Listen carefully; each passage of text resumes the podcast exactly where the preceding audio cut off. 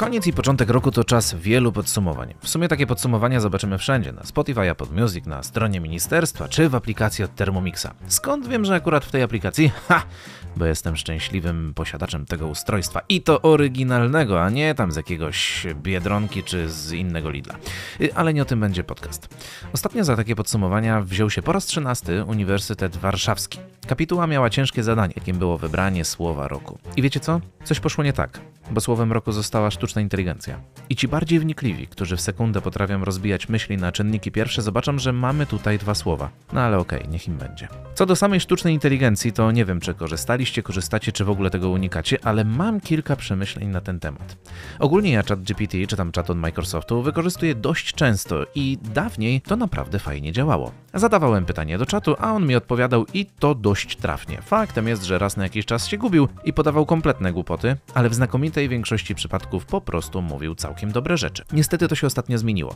Podaję przykład. Ja w emotikonach nie jestem dobry, więc jak dodaję jakiś post na profilu na Facebooku, to proszę czat, aby dodał do mojego tekstu kilka emotikon. I co teraz robi czat? Zmienia mi cały tekst. I niby okej, okay, bo to jest, wiecie, takie zwięzłe, krótsze i niby lepsze, ale czasami po prostu gubi sens, który zawarłem w tym tekście. Proszę więc czat, żeby tekstu nie zmieniał i dodał tylko emotikony. Czat ponownie wypluwa tekst i ponownie tam są jakieś zmiany.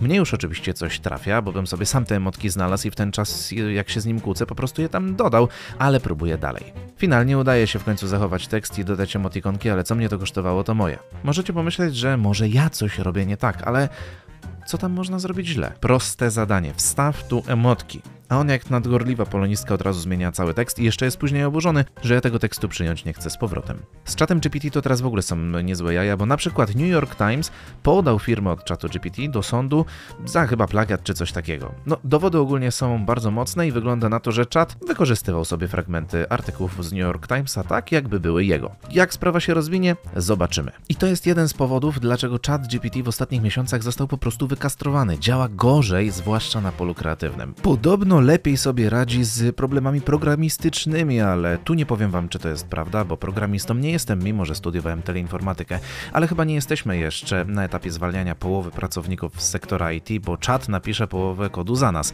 A nawet jeżeli napisze, to pozostaje jeszcze jakakolwiek optymalizacja, więc spokojnie zwolnień być nie powinno. No dobra, ale poza tym, że z czatem teraz jest coś nie tak, to ogólnie jest jeszcze kilka ciekawych rzeczy.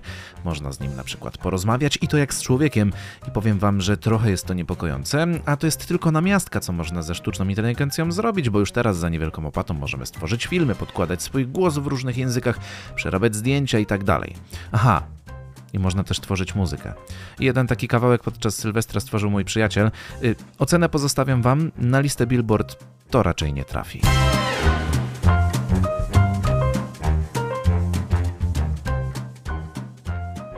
Zaczyna się ten nowy rok. W saunie zadowoleni, tu jesteśmy w grupie krok Na kaszubach bari żartujemy jak wariaci. W gorącym powietrzu odprężamy się jak wariaci.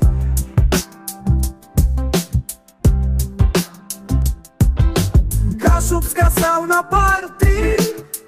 O, jak czuję ten ogień hiperaktywność. Energia na każdy dzień Kaszubska sauna party. O, czuć kaszubski sznyt Wesoło tańczymy. To piękne jak w raju